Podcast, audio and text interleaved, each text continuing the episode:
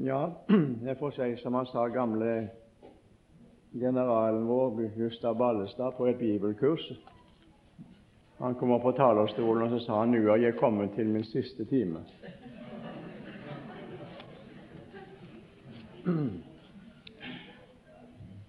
Det er ikke så enkelt å komme etter en slik time vi hadde i forrige time.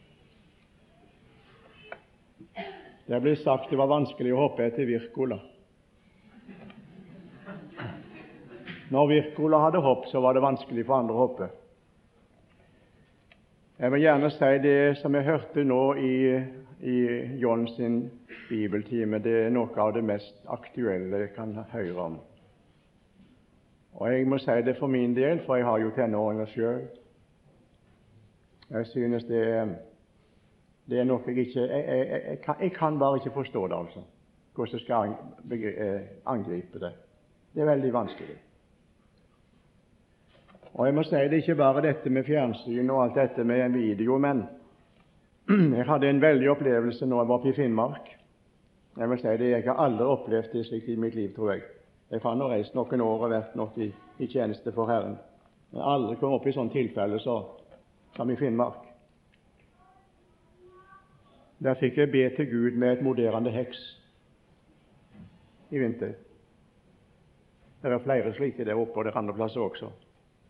Jeg synes det er uhyggelig når jeg, kom til Finnmark og jeg så i Finnmarks Dagblad turistsjefen i Vardø med feite typer på første side i Finnmarks Dagblad. Skriv. Jeg har utklippet, du kan få se det hvis du vil. Vardø satser på djevelen. Vardø satser på djevelen, altså i turistnæringen. Imellom, imellom Vardø og eh, Hemningberg, er det vel det det heter, der er det ei håle i jorda, ei veldig håle langt innover og djupt nedover, som ingen kan våge seg inn i, for den er bunnløs. Den kalles for Domen, og de sier det, folket der oppe, det er nedgangen til helvete. Der har nå turistnæringen i Finnmark lagt til en eh, danseplan utenfor denne svære håla der. Og der det samles de moderne heksene til heksedans. Og Så langt er vi kommet i dette Norge nå at nå kan altså turistene som reiser på hurtigrute oppover til Kirkenes og kommer til Vadsø, Hurtigruta går ikke innom Vardø, den går innom Vadsø. Og så står da busser, turistbusser på kaien i Vadsø og kjører turistene til Domen, nedgangen til helvete. Så der kan en få danse. Jeg ser, de, ser heksene danse. Og de sier det som har vært der, det er grusom åndsmakt. En ser ikke, det står i avisen også, det at de danser med svarten sjøl. Og Det sier også disse som er med i dansen der. Det begynner nokså rolig, og så øker, farten, og så til slutt så er det omtrent som altså de er i ekstase. Så kan du nå, Når du kjører nå til eh, Vadsø, så kan du nå få deg et sertifikat. Du kan få kjøpe det i Vadsø, og du kan få kjøpe det over på Hurtigruta, der det står at du har altså vært ved domen og sett heksedansen med den vonde. Så langt er vi kommet. altså. Sånn, det satser en på nå i turistnæringen i Finnmark. Dette behøver du, kan du godt bringe videre, for dette er ikke noe som er skjult. altså. Det står i avisene. Var det en av slike disse, da? Å nei og nei, jeg synes det er det verste jeg har vært med på. altså. Det var sekretæren vår der oppe som sa han i dag må, må besøke Tordis. sa han. Tordis er ikke med det? En moderne heks som gjerne vil bli frelst. Så satt vi på kjøkkenet i denne heimen der og hadde en, en, en gutt. Jeg kan ikke snakke om dette altså rundt omkring blant folket. Det går ikke nesten an. Altså. Folk vil ikke tro meg. Og opplevde djevelen på nært hold, slik som jeg aldri tror noen av oss har opplevd det. Jeg kan ikke nevne hva det er. Hvis du vil vite hva det er spesielt sikta til, så kan du snakke med meg etterpå. Men så nært, altså. Nok om det. Det som jeg vil fram til nå, det er det at jeg kom ut på gangen. Så har du samla en masse med grammofonplater. Det lå omtrent, jeg, jeg tror det var en, omtrent en meter i høyde grammofonplater. Og så sa jeg her ligger grammofonplatene. Har du lagt de her i gangen, sa jeg, grammofonplatene dine? Ja, sa denne Tordis. Hva skal du gjøre med deg da nå, når du har sagt ja til Jesus? Hva, det, hva, hva har du lagt de her? Så sa hun det er det er hardrockplatene mine, det, sa hun. Og nå skal jeg knuse hver eneste en av dem. Det er djevlemusikken, det, sa hun. Jeg kan ikke sitte og høre på det lenger, for da er djevelen der med en eneste gang. En dag senere jeg var oppe, eh, nei, hun ringte til meg i telefonen, og gjør det av og til. Hun ringer gjerne på en halv, en halv times telefonsamtale til Bergen.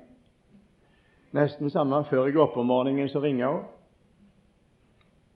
Og Så sier jeg det blir dyrt for deg dette å ringe og ha så lange samtaler som dette her. det jeg må få snakke med deg, sa Røykenes. Jeg må få snakke med deg, for jeg må ha et ord så jeg kan møte djevelen med i dag. Hva vil du gi meg et ord? Kan du gi meg et ord? Og så har hun det så vanskelig. Så ringer hun en dag og så sier hun, å, jeg måtte få ringe til deg i dag, Røykenes, for jeg, jeg, jeg har det så godt med Jesus. Jeg er så lykkelig. Hun var på grensen til å ta livet sitt mange ganger, og Satan hadde sagt 'bare kutt ut hele greia'. Men så forteller hun det i telefonen at jeg gikk på en bokhandel, eller en musikkhandel, var det vel, og ville gjerne kjøpe en kristelig grammofonplate. Jeg vet dette her, det er jo veldig et, et veldig eh, å si for meg her i denne forsamlingen. Men la det stå til likevel. Jeg gikk hjem og så la denne, denne såkalte kristelige plate på, på grammofonen og satte i gang. Men veit du det, sa hun, jeg måtte springe til og skru av grammofonen og hele greia og ta plata vekk. For det var jo den samme ånden.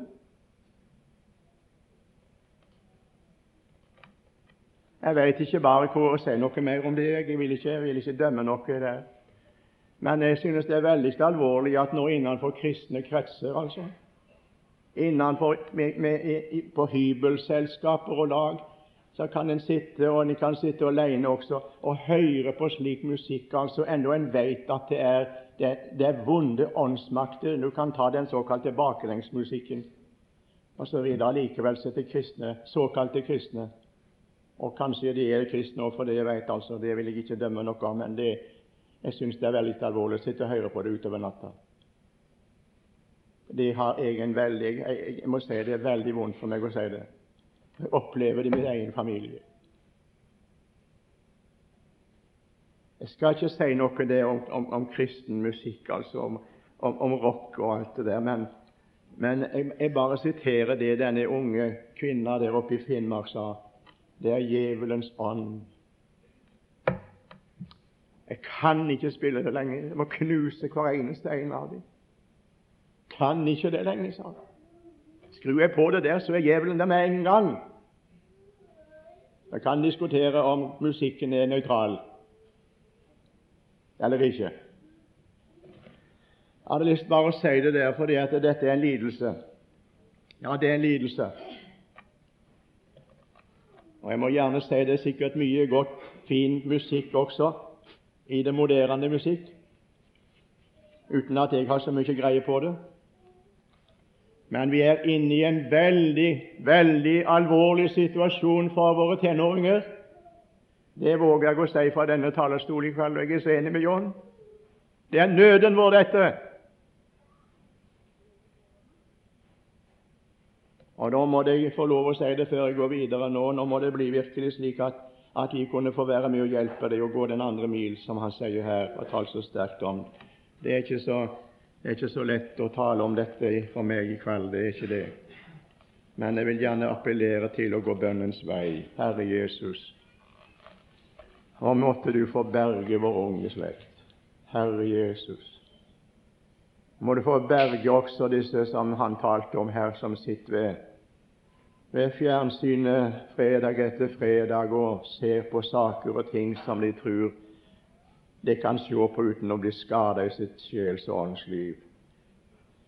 Kjære Herre Jesus, er det mulig at vi kunne få et mer syn for å se på de åndelige ting, bli mer opptatt med deg.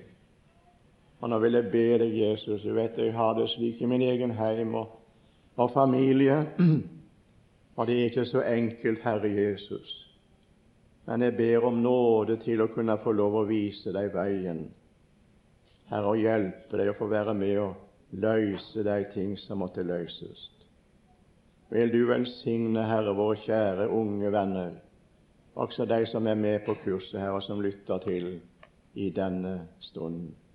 Kjære Herre Jesus, vil du gjøre det slik at de blir mer grepen av deg, og blir mer løst ifra det som har med den, denne verden og med det syndige og verslige å gjøre. Herre Jesus, berge oss alle for himmelen. Takk for du kan det, og du vil det. Amen. Ja, ja, nå er snart bibeltimen min ferdig.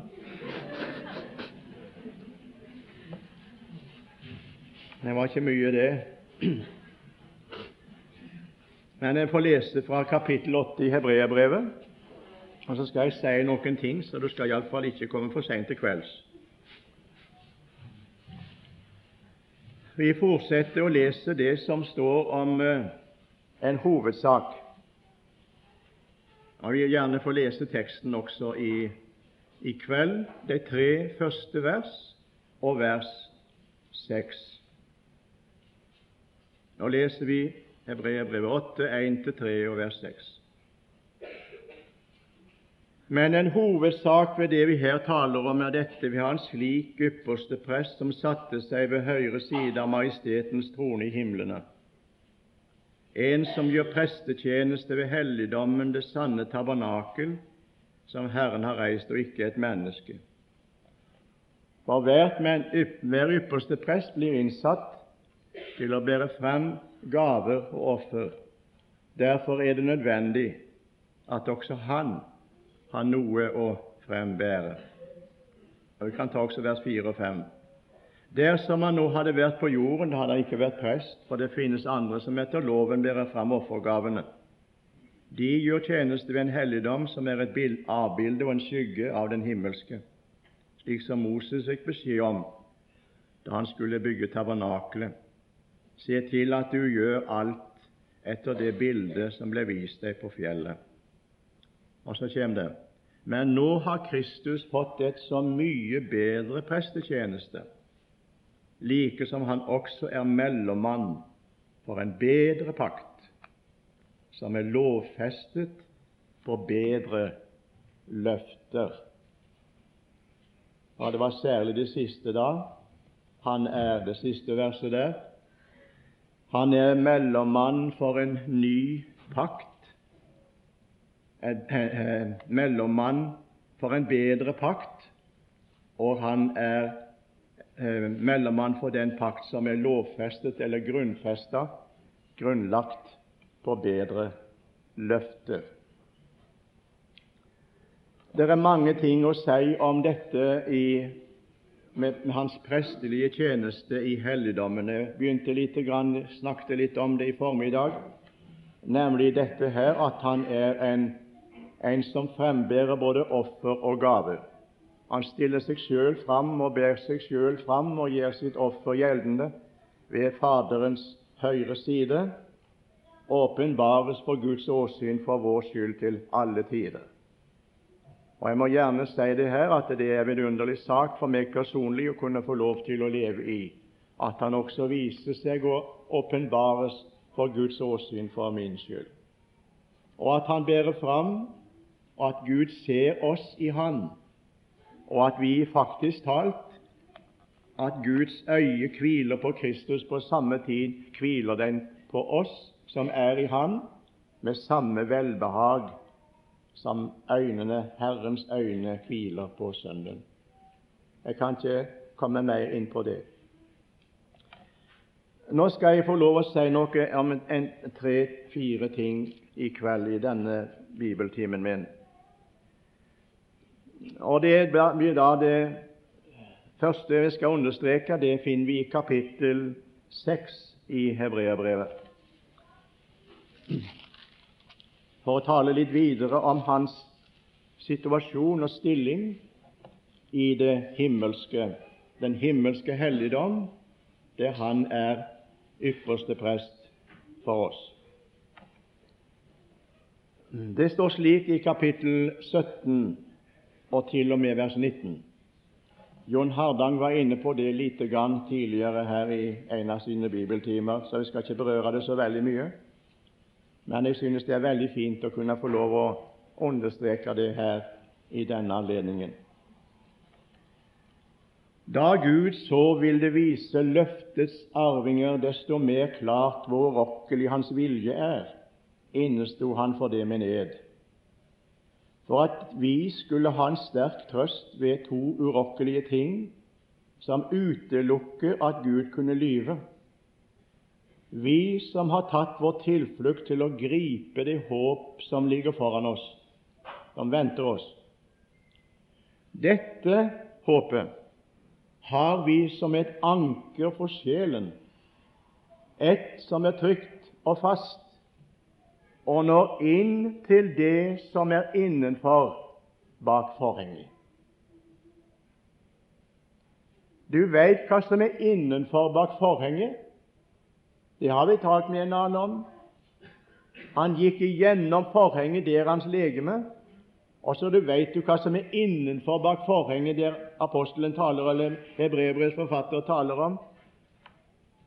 Og så har, har, vi et anker for sjelen, sier Hebreerbrevets forfatter.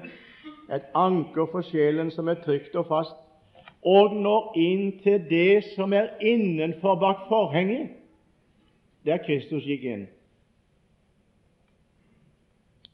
En av de ting som jeg synes det er veldig fint når jeg leser Hebreerbrevet, det er akkurat dette.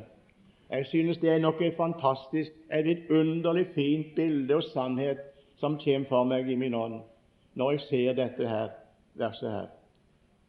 Å være en kristen, det er å være gjenfødt, sier Peter i sitt første brev og tredje vers, første kapittel og tredje vers. Å være en kristen, det er å være gjenfødt til et levende håp ved Jesu Kristi oppstandelse fra de døde. Så det er nemlig veldig, en veldig sak, dette å være et gjenfødt menneske. Det er ikke bare å være et Guds barn, men det er å være gjenfødt til et levende håp og en håp om himmel og salighet. En dag jeg skal få lov å komme hjem, ikke bare være et barn her på denne jord av Gud, født av Gud, gjenfødt, som vi har hørt om det, og som vi understreker, men være gjenfødt til noe, et levende håp som strekker seg utenom tiden, inn i evigheten, inn i herligheten. Når jeg ble frelst, og du ble frelst, så gjorde, du, gjorde Gud noe. Han gav deg et levende håp. Han gav oss et levende håp. Vi ble gjenfødt til et levende håp. Til barnekår hos Gud og et levende håp hos Gud. Men så står det noe her som jeg synes jeg må få understreke, for det er så veldig flott for meg.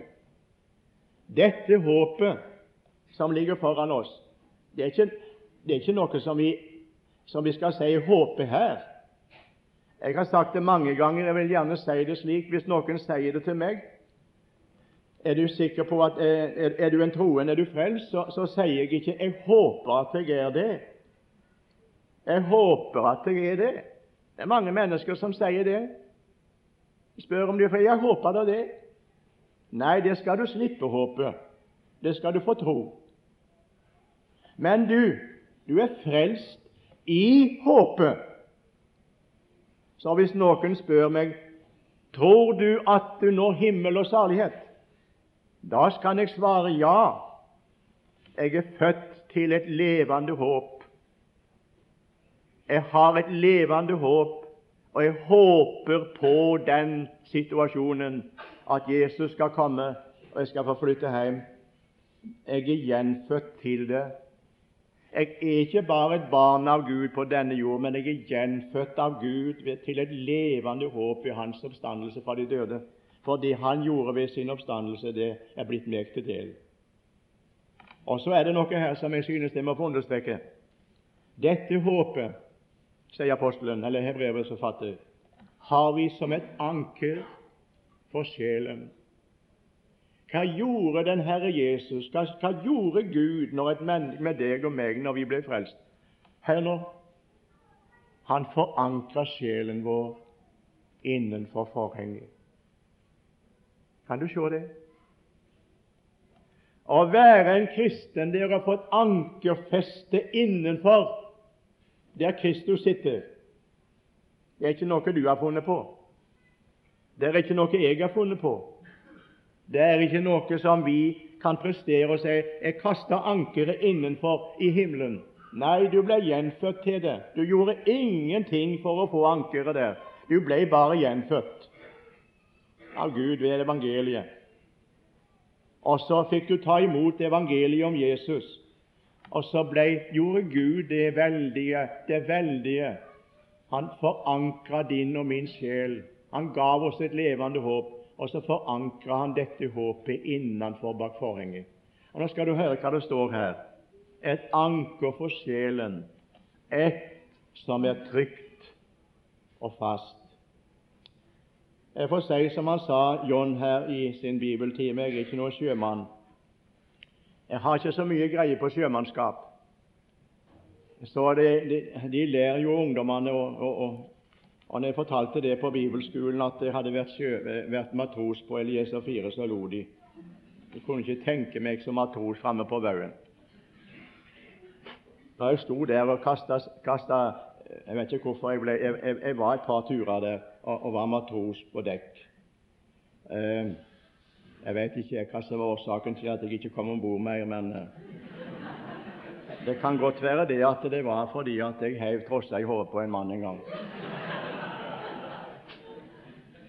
Man hadde forferdelig vondt etterpå. Han fikk den der forferdelig tunge eh, enden av, av tossa rett i hodet. Han tok meg etterpå og sa det slik du skriver tossa på land. Nei, det tror jeg nok, men eh, såpass greie har jeg på det, som også Jon sa her, at uh, jeg er klar over hva et anker er for noe. En gang jeg var ute med Elieser 4, det var en av de to gangene jeg var med, så, så kom vi til en veldig uvær over Hustadvika. Og Kaptein Turøy, som var en fin, eh, god sjømann, han sa jeg tror ikke vi, skal ikke, vi våger ikke gå over Hustadvika i natt, for det er forferdelig vær. Vi ankrer opp på den og den her. Jeg husker ikke jeg det så lenge siden jeg var, da jeg var ung og pen. Men eh, det, det, er så lenge siden at jeg husker ikke hva det heter. Men det var, det var ei havn innpå der, han, og kapteinen var veldig kjent med den havna. Så sa han nå ankrer vi opp her, sa han, så ligger vi til morgen. Så gikk vi inn på den havna, så, så ropte han ifra brua la ankeret gå. Her er ankerbotnen, sa han. Her, her, la ankeret gå. Og så var det til få anker ut. Og så for ankeret nedover, og så kjente vi omsider at skuta nådde i ankeret. Da sa kaptein Tureia nå må det være på dekk alle sammen, mann. Ikke én må gå og legge seg, for det er ikke sikkert at ankeret holder. Nei, vi kommer til å reke på land. Nei. Vet du hva han sa? Gå og hvil dere, karer, sa han. Gå og legg dere. Så har jeg én mann som går vakt. Ankeret var i bånn, og en var trygg og sikker skuta lå i ankeret. Kan jeg få lov å si det ikke fordi at du skal være noe sjøltrygghet her, kjære venner. Nei, det er ikke, det sjøltrygghet. Det er ikke det. Det er Kristus trygghet. Å være en kristen det er å ikke være trygg på seg sjøl, for det blir du aldri. Men du kan være trygg på Kristus. Og du kan være trygg på ankeret som er innenfor bak forhenget der han er. For det er den beste ankerbunnen. Hørte du det? et anker for sjelen som er trygt og fast, og når innenfor til det som er innenfor bak forhenget, der Kristus gikk inn. Så her vil jeg gjerne bare understreke for meg sjøl og for dere jeg er glad, venner, for i denne stund mens jeg står på denne talerstol, at jeg har mitt sjel anka innenfor og ikke utenfor. Ikke i denne verden, ikke i det verslige ting, endog ikke i min kristendom. Nei, nei, jeg kan ikke lite på den. Det er ikke ankerbåten, det heller.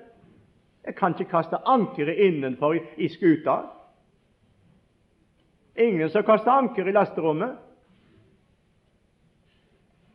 Og heller ikke kan jeg ha min forankring fordi at jeg av og til, av og til ja, kjenner det mer eller mindre godt, og, og så videre og så videre. Og den dag jeg føler det virkelig godt, og nå er følelsene på topp, og nå har du det så vidunderlig åndelig sett, så da er du så sikker på at du skal nå himmel og salighet. Men den dagen du er inne i tunnelen, da, og den dagen du synes at sola den, har, den, den er, den er kommet, det kommer skyer foran den, er du like sikker da? Ja, du har lov til det. Og jeg har så lyst til å si det til deg igjen, for det har vært gjentatt flere ganger. Du må ikke blande stilling og vandring eller tilstand sammen. Det er nettopp det mange troende gjør, og vi har så lett for å gjøre det, vi også. Du, kunne jeg få si det til deg nå at ypperste presten som sitter ved Faderens høyre hånd, har forankra sin sjel i deg. Hørte du det? Du har et anker for sjelen som er trygt og fast og når innenfor. Ikke i deg, men innenfor der Jesus er. Ankerbunnen, den er god, og ankeret det holder, for det er guddommelig. Det er guddommelig.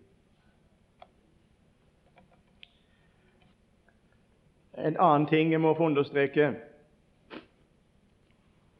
det er det som står i vers 20. Jeg gikk eh, med vilje bort fra det til å begynne med. Ja, Det blir det, blir det fjerde, da. Femte det jeg skal understreke her. Fjerde. Der Jesus gikk inn Nå skal du høre som en forløper for oss han som blir ypperste prest til evig tid etter Melkisedeks vis. Den eneste plassen i Det nye testamentet der uttrykket 'forløper' blir brukt på Jesus, det er i Hebreerbrevet 6,20. Den eneste plassen der står uttrykket 'forløper', men det brukes andre uttrykk der brukes uttrykk som 'den førstefødte av de døde'. Der kan brukes uttrykk som 'førstegrøden av de hensovede'. Det er omtrent det samme. Men nå brukes uttrykket her 'en forløper'. Og Det ligger jo i selve ordet. ikke sant? En forløper det er en som har løpt foran. En som har nådd målet. Og Det betyr ikke at han har nådd målet alene, men han har nådd målet for at andre skal komme etter. Og nå er det jeg og du som skal komme etter. Og så har forløperen Jesus Kristus, som nå er ypperste prest i den himmelske helligdom, han har nådd fram.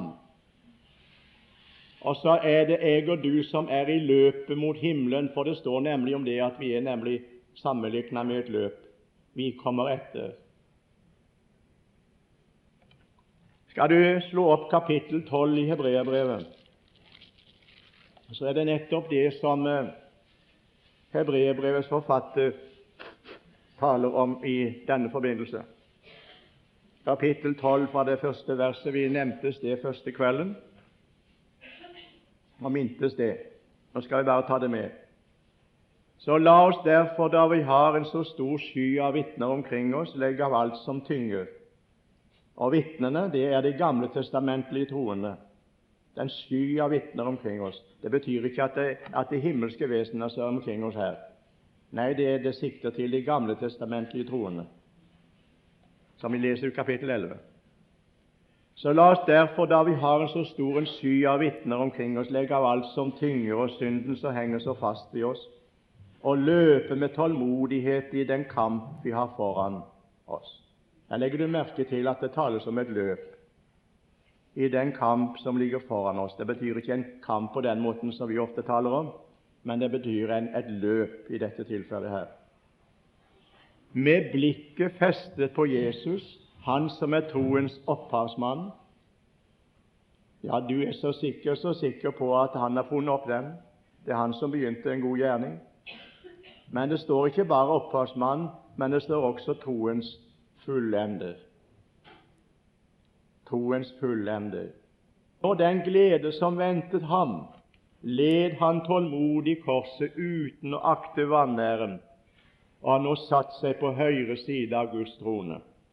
Ja, gi akt på ham som utholdt en slik motstand av syndere, for at dere ikke skal gå trett i deres sjeler og bli motløse.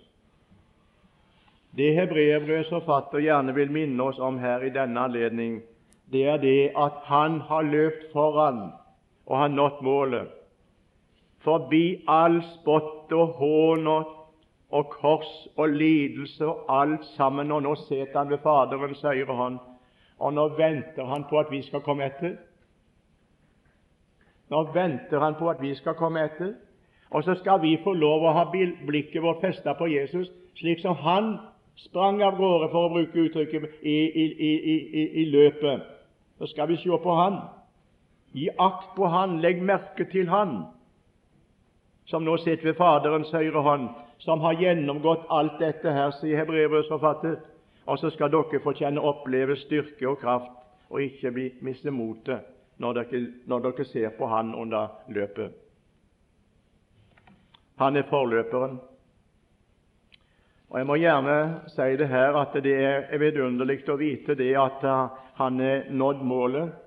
Og han er nådd målet ved Faderens høyre side, og vi skal få nå målet, vi også. Vi skal nå fram fordi han har nådd fram. Og Jeg er så veldig takknemlig for det jeg skal få lov å tro det at Han som begynte en god gjerning i meg, skal fullføre den inn til Jesu Kristi dag. Så det er en herlig sak å kunne få lov å lite på i denne utrygge og vanskelige verden. Det er alle ting som tyder for, venner, når vi ser på Jesus. Alle ting tyder på at vi når målet en dag. Du skal være sikker og trygg for det. For ankeret holder, og han er forløperen. Og du skal få se på Jesus, ha blikket ditt festet på han, og gi akt på han. Så skal du nå fram La meg få lov å si det så sterkt som jeg kan. Det er et uttrykk om Jesus i 1. Korinter 15 som blir brukt om han. Jeg gjerne må få lov å ta med i den forbindelse. 1. Korinter 15.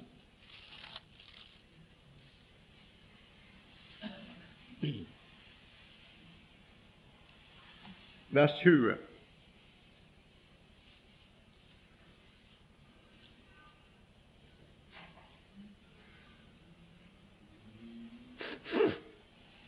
Men nå er Kristus oppstått fra de døde og er blitt førstegrøden av dem som er sovnet inn. For ettersom døden kom ved et menneske, så er også det dødes oppstandelse kommet ved et menneske. For like som alle dør i Adam, slik skal også alle bli levende gjort levende i Kristus. Men hver sin egen avdeling. Kristus er førstegrøden. Deretter skal de som hører Kristus til, bli gjort levende ved Hans komme. Førstegrøden det var jo den del av, av grøden ute på marken ute på åkeren som ble båren inn og svinga for Herrens åsyn. Førstegrøden det var, det var prøve av det som var der ute på, på åkeren, der ute på marka. Og så kunne en komme inn med førstegrøden, og så kunne en si det, sjå her, slik er altså hovedgrøden ute på åkeren. Slik er hovedgrøden. Slik er det som skal høstes inn. Det er like samme substans, samme kvalitet, samme sort som der ute her. Og Jeg må gjerne si det her at det er en veldig, det er en veldig sak for meg. Jeg kan ikke komme mye inn på det her nå. Men at Kristus er førstegrøden, betyr nemlig at hovedgrøden er igjen. Og Han er nådd inn i himmelen. Han er førstegrøden for de hensovede. Og jeg synes det er veldig å vite at hovedgrøden den står Ja, jeg tror jeg vil si det slik. Hovedgrøden for de hensovede og for oss som er på denne jord, vi er igjen ennå. Men skal berges også vi, som førstegrøden er nådd fram inn i helligdommen og himmelen, skal også hovedgrøden høstes inn. Og Jeg må si det at det er vidunderlig å lese 1. Første Tessalonikerbrev kapittel 4. Og jeg må si det her at jeg er blitt mer og mer glad i det, fordi at det er nemlig så mange som røster i våre dager som snakker om det, at det er ikke så sikkert at det, er ikke så sikkert at det, at det skal skje på den måten der. Ja, vi får gå inn i Bibelen da, venner, og se hva Paulus har fått fra Herren og bære fram til oss. Kan vi leser 1. Tessaloniker 4? Du kan lete med, lete med lys og lykte gjennom evangelien. Du finner ikke et eneste ord om det som Paulus skriver her, for han har fått det direkte fra Herren. Det er ikke verken Matteus eller Markus eller Lukas eller Johannes som skriver om det. Det har han fått fra Herren, direkte fra Herren. For dette sier vi dere med et ord av Herren, vi som lever og blir tilbake inntil Herren kommer, skal aldeles ikke komme i forveien for dem som er sovnet inn altså med død i troen på Jesus. For Herren selv skal komme ned fra himmelen med et bydende rop, med overengels røst og med Guds basun. Og de døde i Kristus skal først oppstå. Deretter skal vi som lever, som er blitt tilbake, sammen med dem rykkes opp i skyer, opp i luften, for å møte Herren og så skal vi alltid være sammen med Herren. Trøst, ikke skrem. Trøst da hverandre med disse ord. Jeg har hørt det noen som har sagt det til troende mennesker som har mistet noen av sine kjære, som har gått hjem til Gud, troende mennesker. Og så sørger de, og så sier de til, til vedkommende ja, du må ikke sørge. Du må ikke sørge. De er hjemme hos Gud. Ja, det er riktig, det. Men la meg nå få lov å spørre er det galt for en troende å sørge over en god venn som er gått hjem? Er det galt? Er det galt å sørge?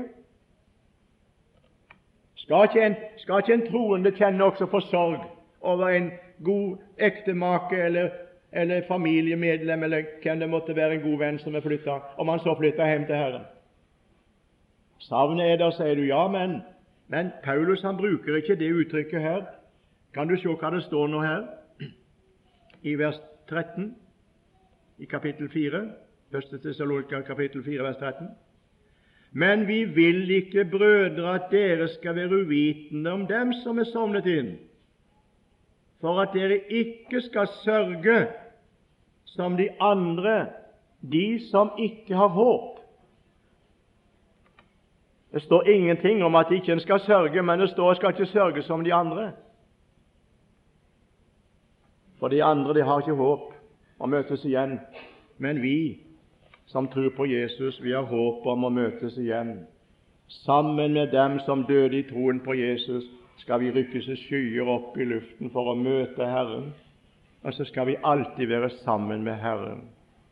Det er nemlig hovedgrøden som skal høstes inn.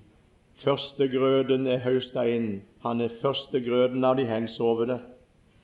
Han er den førstefødte av de døde. Og så skal også vi komme etter. Han er forløperen, og vi er på løpebanen ennå framover og skal få nå fram ved at vi ser på Jesus med blikket festet på Jesus. i akt på ham legger merke til ham. Venner, det går ikke an å ta feil av veien når du ser på Jesus. da har du mål i sikte til enhver tid, med blikket festet på Jesus. Jeg må ta det siste nå. Hvis jeg får anledning i morgen, så er lørdag for søndag formiddag, så vil jeg snakke litt om at han er ypperste prest etter Melkisediks vis. Så det taler jeg ikke om i kveld. Men nå skal vi ta for oss kapittel 9 til slutt, vers 15 til 17. Hebreerbrevet 9, 15 til 17.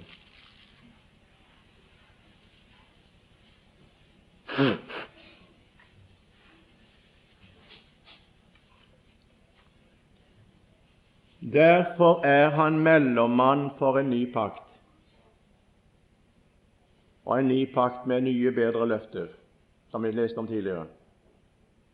Derfor er han mellommann for en ny pakt, for at de som er kalt, skal få den evige arv som var lovt, etter at det har funnet sted en død til forløsning for overtredelsen under den første pakt.